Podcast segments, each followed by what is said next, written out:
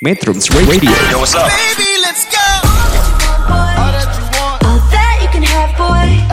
Got me spread like a buffet. Bon night, Now bon they appetit. always say congratulations. Come on, strip that down for me. I'm on my way. Girl, come on, strip that down for me. Yeah, yeah, yeah, yeah. Metrums Radio Media terintegrasi kaum muda Selamat malam metronom, apa kabar? Semoga sehat selalu. Berjumpa kembali dalam acara Arah Pandang edisi Kamis 18 Juni 2020 pukul 18.30 hingga 19.30 di radio online Metrum di bilangan Jati Handap Bandung. Topik arah pandang kali ini masih tentang Afrika, lebih khusus lagi, metronom akan disuguhi satu perspektif perihal relasi Indonesia dan negara-negara di kawasan Afrika. Harus diakui, sudah sejak lama relasi Indonesia dan negara-negara di Afrika dikenal sangat emosional dan historis. Akan tetapi, beberapa hal sering luput dalam pengamatan. Hal ini yang akan dikupas oleh narasumber kita, Setiawati Dian Awalina, pada petang ini. Sinok asal Cimohong Brebes ini sehari-hari aktif di program studi hubungan internasional pada International Women University Bandung. Selamat malam Mbak Dian, silakan. Ya, selamat malam Pak Desmond dan tentunya selamat malam juga untuk teman-teman metronom. Semoga kita semua diberikan kesehatan selalu walaupun untuk saat ini kita mulai berdampingan ya dengan COVID-19. Topik acara pandang edisi Kamis 18 Juni 2020 masih bareng saya tentunya ya Dian Awalina dari Universitas Wanita Internasional di Bandung program studi hubungan internasional.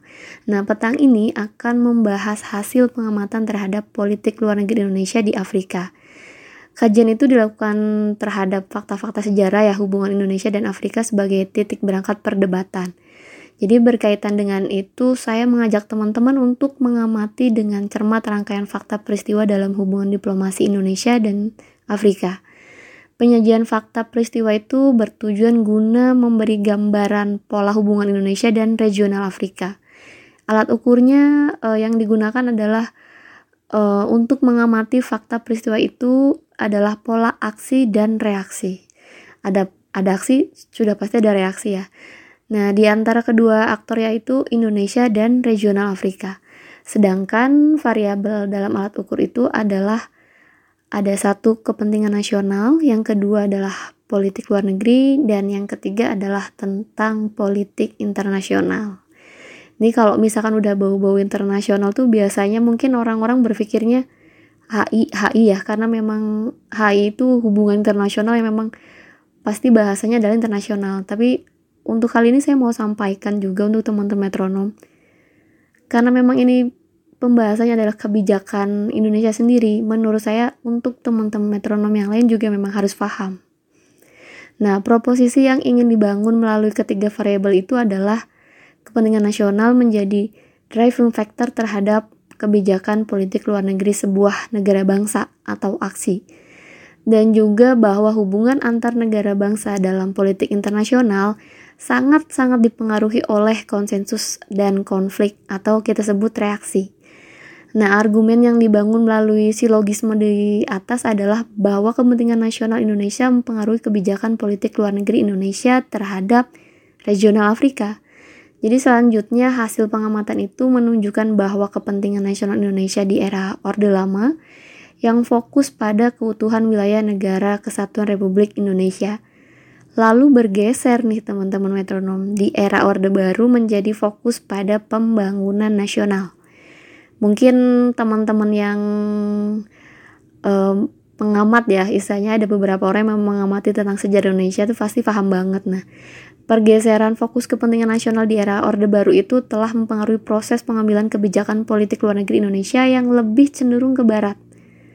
Karena pemenuhan akumulasi modal untuk pembangunan nasional bersumber dari barat lebih jauh lagi, kehadiran Indonesia di berbagai fora multilateral dipandang oleh negara-negara dunia ketiga tidak lepas dari upaya kepentingan Barat yang menjadikan Indonesia sebagai instrumen kepentingan Barat. Ya, obrolan dimulai dari awal mula arah kebijakan luar negeri Indonesia di Afrika di masa Orde Lama yang sangat dipengaruhi oleh kepentingan nasional Indonesia di Irian Barat. Nah, lalu fase transisi yang akan sangat berpengaruh terhadap kebijakan luar negeri Indonesia di Afrika. Jadi puncaknya adalah tentang fakta-fakta yang memperlihatkan berpalingnya fokus kebijakan luar negeri Indonesia dari Afrika. Nah, saya saya mungkin uh, menyarankan teman-teman metronom ya yang mendengarkan acara ini untuk teman-teman karena tidak semuanya mengamati tentang kebijakan luar negeri, jadi saya sarankan sambil dibuka handphonenya dan untuk kata kunci yang masih belum mengerti, mungkin masih lupa-lupa ingat juga, boleh langsung dibuka aja. Apa sih e, kepentingan nasional itu? Apa sih politik luar negeri dan juga politik internasional sambil menunggu di sesi selanjutnya untuk pembahasan karena sesi pembahasan kita akan bahas di sesi yang kedua. Itu aja, Pak. Oh ya, jangan lupa kembali eh, kami ingatkan kepada metronom bahwa Radio Metrum dapat didengarkan melalui mengunduh aplikasi Android Metrum Radio di Play Store Metronom, satu aplikasi menjelajah berbagai platform. Bagi pengguna perangkat Apple, dapat menyimak program arah pandang melalui App Store online, Radio Box, Radiosnet, atau Radio.net. Atau bisa juga metronom eh, menyimak talk show ideologi dan politik internasional ini melalui metrum.co.id atau melalui Radio Garden atau melalui aplikasi radio lainnya. Bisa search saja Metrum Radio. Metronom dapat mendengarkan ulang rekaman talkshow berupa podcast di beberapa aplikasi podcast bagi pengguna perangkat Android maupun Apple. Caranya, search saja Metrum Radio. Sampai bersua kembali di sesi kedua. Metrums Radio Media terintegrasi kaum muda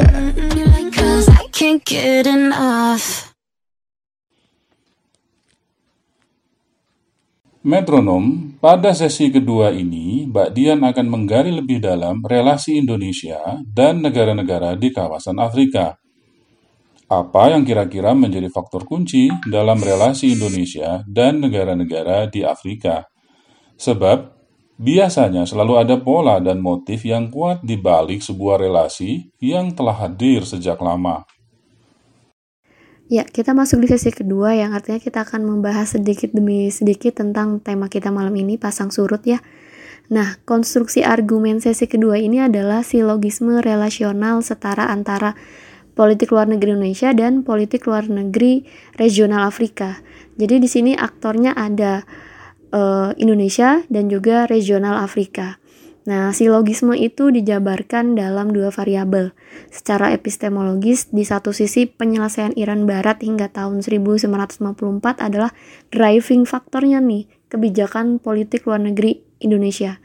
Jadi sementara di sisi regional Afrika, di saat yang sama, dekolonisasi adalah driving faktor kepentingan semua wilayah koloni di Afrika dalam tataran ontologis kehadiran Belanda ini di Irian Barat adalah bentuk sisa kolonialisme di dunia ketiga. Sedangkan untuk regional Afrika hingga tahun 1954, sebagian besar masih menghadapi kolonialisme.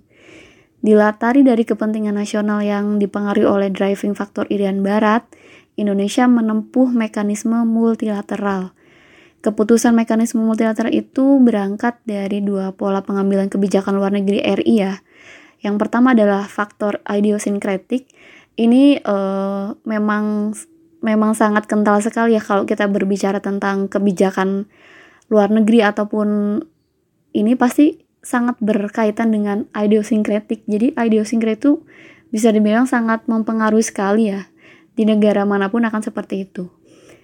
Yang kedua adalah government process atau faktor idiosinkretik dipengaruhi oleh sosok Presiden Soekarno.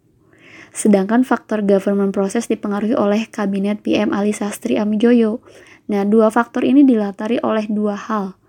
Yang pertama adalah posisi Presiden Soekarno di masa pemerintahan parlementer yang tidak berpengaruh secara kelembagaan terhadap proses pengambilan kebijakan luar negeri RI pada saat itu dan yang kedua adalah posisi PM Ali Sastro yang memang sebagai ketua kabinet memiliki wewenang penuh terhadap pengambilan kebijakan luar negeri RI.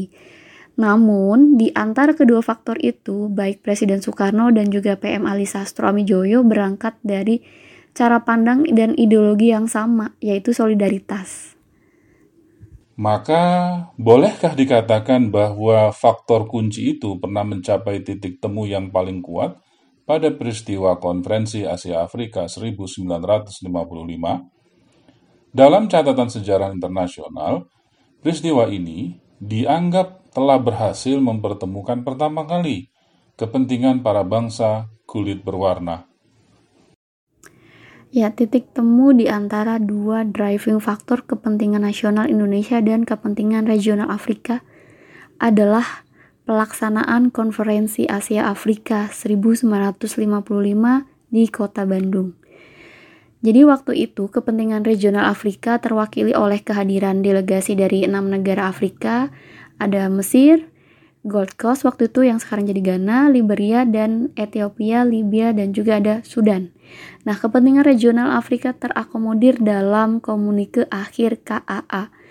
Jadi komunike itu e, terdiri atas enam masalah utama ya. Yang pertama itu adalah kerjasama kebudayaan, yang kedua adalah kerjasama ekonomi, yang ketiga masalah rakyat jajahan, yang keempat menentukan nasib sendiri, yang kelima masalah-masalah lain, dan yang keenam memajukan kerjasama dan perdamaian dunia.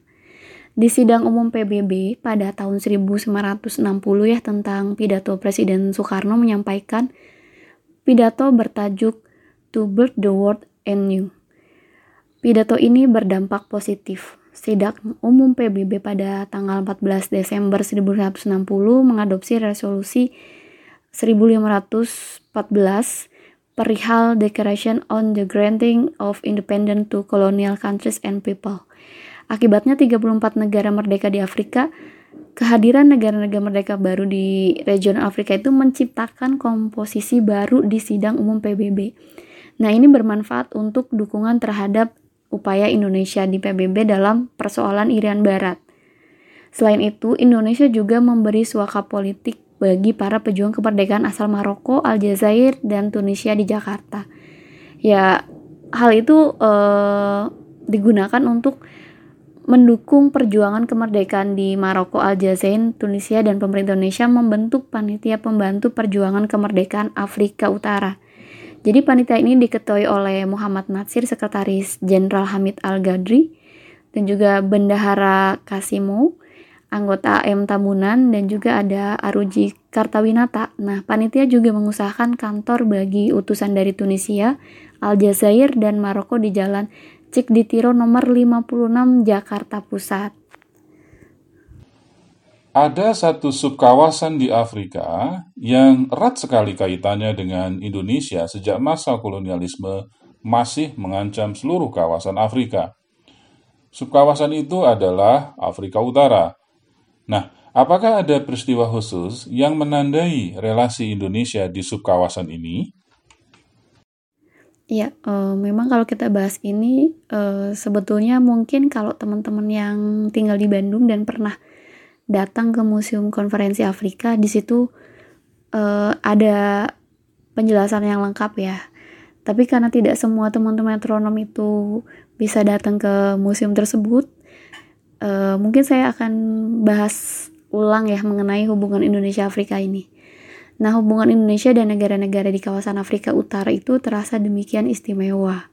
Misalnya, hubungan Indonesia dan Maroko yang semakin erat setelah Presiden Soekarno mengunjungi negara yang dijuluki negara seribu benteng tersebut pada tanggal 2 Mei 1960.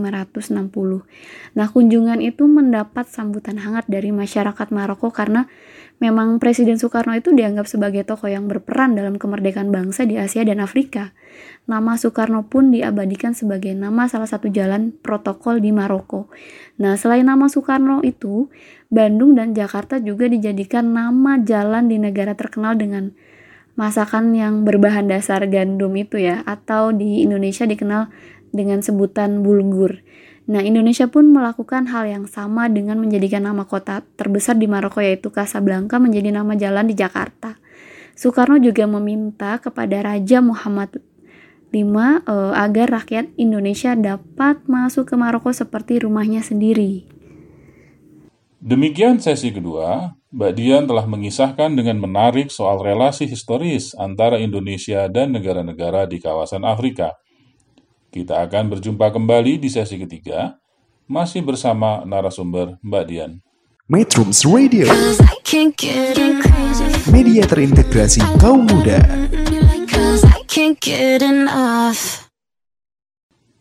Metronom, pada sesi ketiga ini, Mbak Dian akan menekankan obrolannya pada perubahan perilaku salah satu aktor yang terlibat dalam relasi topik yang kita sedang perbincangkan petang ini. Baik Indonesia maupun Afrika sama-sama mengalami perubahan internal. Perubahan itu berpengaruh pada stabilitas relasi di kemudian hari. Silakan Mbak Dian mengelaborasikannya lebih dalam. Iya, namun demikian untuk pergantian rezim dalam negeri Indonesia telah mengubah cara pandang Indonesia terhadap kawasan Afri- Afrika. Karena ada perubahan kepentingan nasional di Indonesia di masa Orde Baru dan demikian pula dengan politik luar negeri Indonesia di Afrika. Hubungan luar negeri Indonesia dan Afrika mulai menghadapi terikil terikil tajam ya di awal pemerintahan Orde Baru. Di mana kepentingan nasional Indonesia di era Orde Baru berubah. Jika sebelumnya di era Orde Lama kepentingan nasional Indonesia adalah keutuhan wilayah, maka di era Orde Baru kepentingan nasional Indonesia adalah pembangunan ekonomi. Di bidang politik luar negeri terjadi transisi masa pemerintahan Soekarno ke pemerintahan Soeharto. Ya pasti eh, akan membawa dampak ya. Nah, dampaknya ada perubahan yang signifikan ya, berbeda dengan era Soekarno di mana politik luar negeri Indonesia lebih ditekankan untuk kepentingan politik dalam negeri, sedangkan untuk di era Pak Soeharto memang kepentingan politik dalam negeri lebih berorientasi pada keamanan dan perekonomian untuk kepentingan pembangunan dalam negeri. Ya memang hal lain berubah adalah mengenai arah politik luar negeri Indonesia. Ya tidak seperti Orde Lama, Orde Baru lebih menaruh perhatian pada masalah pembangunan ekonomi dan mempertahankan hubungan persahabatan dengan Barat. Pemerintah baru ini memperkenalkan kebijakan pintu terbuka di mana investasi asing ditingkatkan dan bantuan pinjaman dibutuhkan untuk merehabilitasi ekonomi Indonesia. Apakah ada pengaruh dari karakteristik pemimpin terhadap perubahan perilaku relasi ini? Di Afrika banyak terjadi pergantian kepemimpinan yang dipengaruhi oleh sistem internasional kala itu. Hal serupa juga terjadi di Indonesia, terutama di era Orde Baru di bawah kepemimpinan Soeharto. Ya, pengaruh idiosinkretik ini mungkin jadi sesuatu yang harus di highlight ya kalau misalkan kita bicara tentang idiosinkretik. Nah, idiosinkretik di bidang politik luar negeri Indonesia ada dua periode. Yang pertama adalah periode sebelum pemilu 1982 dan periode setelah pemilu 1982. Jadi pembatasnya adalah pemilu 1982. Nah, di era Soeharto, politik luar negeri Indonesia dirumuskan untuk kepentingan pertumbuhan ekonomi domestik. Sehingga tujuan-tujuan politik luar negeri Indonesia dapat dirangkum menjadi empat nih. Yang pertama ada adanya hubungan baik dengan negara asing, yang kedua ada rehabilitasi, dan yang ketiga ada pembangunan ekonomi dengan bantuan asing, yang keempat ada penciptaan stabilitas politik dan keamanan dengan menggunakan militer. Nah, perubahan orientasi politik luar negeri Indonesia di Orde Baru ini memang uh, pasti ada dampaknya ya. Nah, berdampak pada hubungan Indonesia ke Afrika. Di masa ini orientasi politik luar negeri Indonesia lebih ke utara dalam persepsi Indonesia soal keamanan secara luas. Nah, Amerika Serikat dan Jepang adalah negara-negara yang paling penting. Tapi, jika keamanan diterjemahkan dalam arti militer dan politik, negara-negara ASEAN adalah yang paling penting bagi Indonesia. Setelah ASEAN, Indonesia menganggap Australia penting karena urusan Timur-Timur. Nah, untuk Vietnam juga penting ya. Nah, sebagai penyangga dari REC dan senantiasa dilihat sebagai sesuatu yang uh, kekuatan ekspansionis. Selanjutnya, apakah ada perbedaan yang konkret dalam relasi Indonesia dan kawasan Afrika di dua masa berbeda, baik di masa Orde Lama dan masa Orde Baru? Dua orde ini dikenal memiliki perilaku politik luar negeri yang berbeda dalam menyikapi unit eksplanasi sistem internasional. Iya, dalam konteks itu perhatian Indonesia ke kawasan lain ya. Nah, khususnya kawasan Afrika tidak berada di skala prioritas atas. Beberapa peristiwa yang mengindikasikan bergesernya orientasi politik luar negeri Indonesia di Afrika dapat dilihat pada rentetan data ini.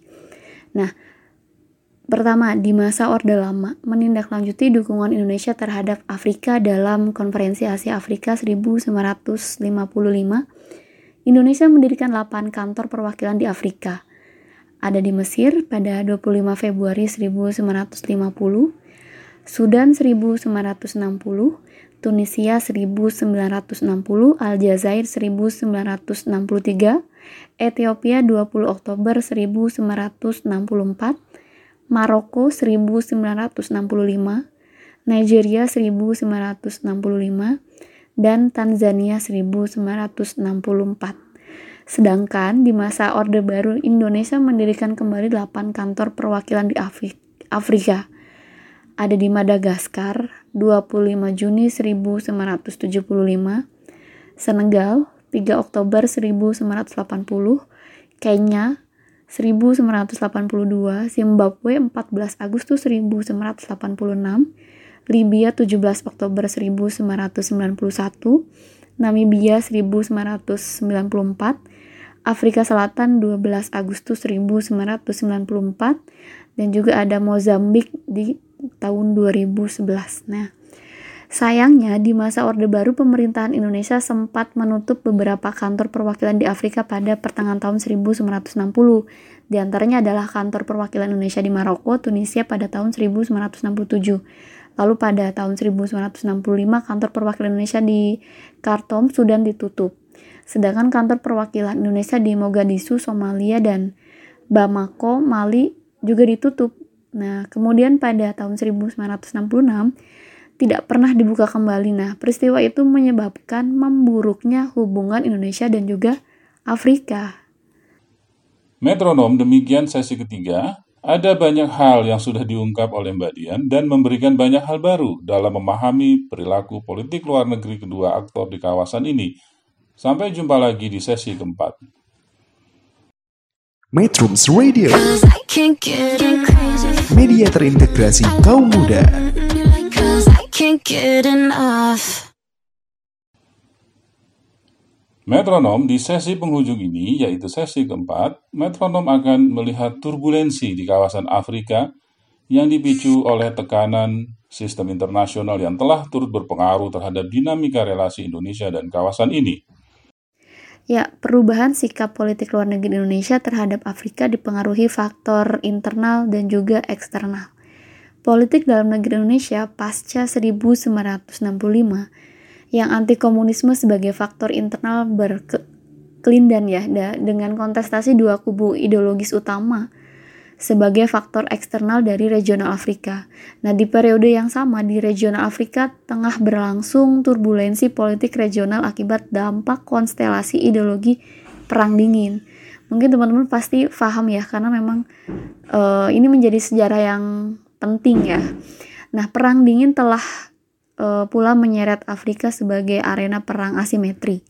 Nah, menghadapi itu negara-negara di Afrika terbelah menjadi dua kubu, yaitu ada kubu Monrovia dan juga kubu Casablanca. Ini yang minggu lalu sempat saya sampaikan. Nah, turbulensi di antara kedua kubu ini berdampak pada cara pandang politik luar negeri pemerintah Indonesia terhadap regional Afrika di era Orde Baru. Nah, kubu Casablanca yang terbentuk di kota Casablanca, Maroko pada tahun 1960 terdiri atas tujuh negara Afrika dengan aliran ideologi kiri. Sebagian besar anggota kubu ini berasal dari negara-negara di Afrika Utara. Uh, ada Aljazair, Mesir, Ghana, Guinea, Libya, Mali, dan juga ada Maroko. Nah, kubu ini berpandangan bahwa satu-satunya jalan untuk melakukan kolonisme di Afrika adalah perdamaian regional memajukan dialog kebudayaan, meningkatkan pengaruh geopolitis regional, dan memajukan pembangunan ekonomi regional adalah dengan mendirikan sebuah organisasi supranasional Afrika. Dalam konsep itu, uh, Afrika memiliki pemerintahan federal ya. Gagasan ini memang sering dikenal sebagai the United States of Africa atau federalisme Afrika menjadi proposisi utama kubu ini terhadap masalah utama Afrika yaitu konflik teritorial dan tribal warisan masa kolonialisme. Tokoh utama pada kubu ini adalah Presiden Kwame Nkrumah ya, ya dari Ghana dan Presiden Gamal Abdel Nasir dari Mesir. Keduanya adalah pendiri gerakan non-blok bersama-sama dengan Perdana Menteri uh, Jawaharlal Nehru dari India, Presiden Joseph Broz Tito dari Yugoslavia dan juga ada Presiden kita Bapak Soekarno dari Indonesia dan juga uh, ada Yugoslavia pada September 1000, 1961. Nah, lantas bagaimana reaksi kubu sebaliknya? Apakah setuju atau memiliki pandangan yang lain? Iya, sayangnya gagasan ini mendapat penentangan ya dari kubu Monrovia. Nah, kubu ini berbentuk di kota Monrovia, Liberia pada tahun 1961. Nah, kubu Monrovia ini terdiri atas Liberia, Nigeria, Senegal, Kamerun, dan juga negara-negara penundur bahasa Prancis di Afrika. Nah, dalam pandangan kubu ini yang khas mazhab kanan, kedaulatan negara-negara bangsa adalah mutlak sebab gagasan supranasional Afrika dari kubu Casablanca dianggap hanya mengurangi kedaulatan negara bangsa. Nah, penutup kantor perwakilan Indonesia di Maroko dan Tunisia pada 1967, di Sudan 1965, di Mogadishu, Somalia, dan juga Bamako memperlihatkan fakta besarnya dampak politik dalam negeri Indonesia yang bergeser ke kanan terhadap politik luar negeri Indonesia di regional Afrika terutama terhadap negara-negara Afrika yang memang berada di kubu Casablanca ya yang memang ya Casablanca bermazhab kiri. Nah, berbeda dengan Indonesia pemerintah China bermazhab kiri. Nah, pada periode yang sama justru memiliki hubungan kerjasama yang erat dengan negara-negara Afrika. Nah, mungkin ironisnya ya kerjasama itu didasari uh, nilai refleksivitas historicaltis atau uh, dasar sila Bandung yang muncul dari KA yang diadakan pada 1955. Nah, kerjasama itu dilabeli dengan pembangunan Sino-Afrika 1955 sampai 1979. Keterlibatan kekuatan Asia lainnya dalam konstelasi kawasan Afrika, terutama RRC, memberikan warna baru dalam dinamika ekonomi politik di kawasan ini. Bukankah demikian? Iya, antara tahun 1979 sampai 1979 ya, Mungkin ada sebanyak 44 negara di regional Afrika menjalin hubungan diplomatik dengan China. Nah, jalinan kerjasama itu berbasis pada prinsip solidaritas dan persahabatan. Nah, kerjasama berangkat dari kesepakatan yang dicapai pada tanggal 15 Agustus 15 Januari maaf 1964 yaitu tentang A Principle of Economic and Technical Aid. Nah, sejak itu ada 37 negara di regional Afrika yang mengakui China. Selanjutnya ada 16 kepala negara dari region Afrika yang mengunjungi Cina nih. Pada tahun 1977, nah China ini meningkatkan bantuan. Jadi hubungan Afrika-China pasca 1970-an itu dibalut dengan mekanisme kerjasama multilateral baru bertajuk The New Four Principle of Sino-African Economic and Technical Cooperation yang diresmikan pad, diresmikan oleh Perdana Menteri China Zhao Ziang pada tahun 1983. Nah, pasca Perang Dingin, hubungan China dan regional Afrika memiliki paradigma baru. Proses demokratisasi di regional Afrika mendorong China mengubah peran dominan aktor negara ke aktor non-negara, yaitu Transnational Corporation atau TNC. Nah, TNC ini eh, TNC China ini di Afrika hingga tahun 2002 tercatat ada 585 jadi sebelum saya tutup dapat disimpulkan ya bahwa pasang surut relasi Indonesia dan negara-negara kawasan Afrika dipengaruhi oleh aktor faktor eksternal yaitu sistem internasional yang tengah berlaku dan juga ada faktor internal yaitu tentang idiosinkretik dari pemimpin negara. Jadi ya ini adalah kata kuncinya ya. Dan ini masih berlaku ya. Sistem internasional yang tengah berlaku juga sangat mempengaruhi dan juga ada faktor internal idiosinkretik sebuah seorang tokoh pemimpin negara juga sangat-sangat mempengaruhi. Metronom, tibalah kita di penghujung acara arah pandang edisi Kamis 16 Juni 2020.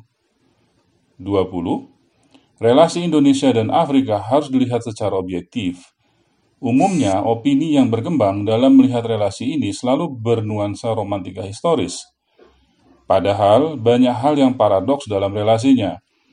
Tentu saja, setelah mengetahui hal-hal faktual ini, kita harus segera berbenah dan berupaya mengubah orientasi dan cara kerjasama dengan negara-negara di kawasan ini. Sebab Afrika yang sekarang adalah Afrika yang telah berubah jauh dan makin bersinar dalam kancah global. Terima kasih kepada Mbak Dian atas penjelasannya malam ini.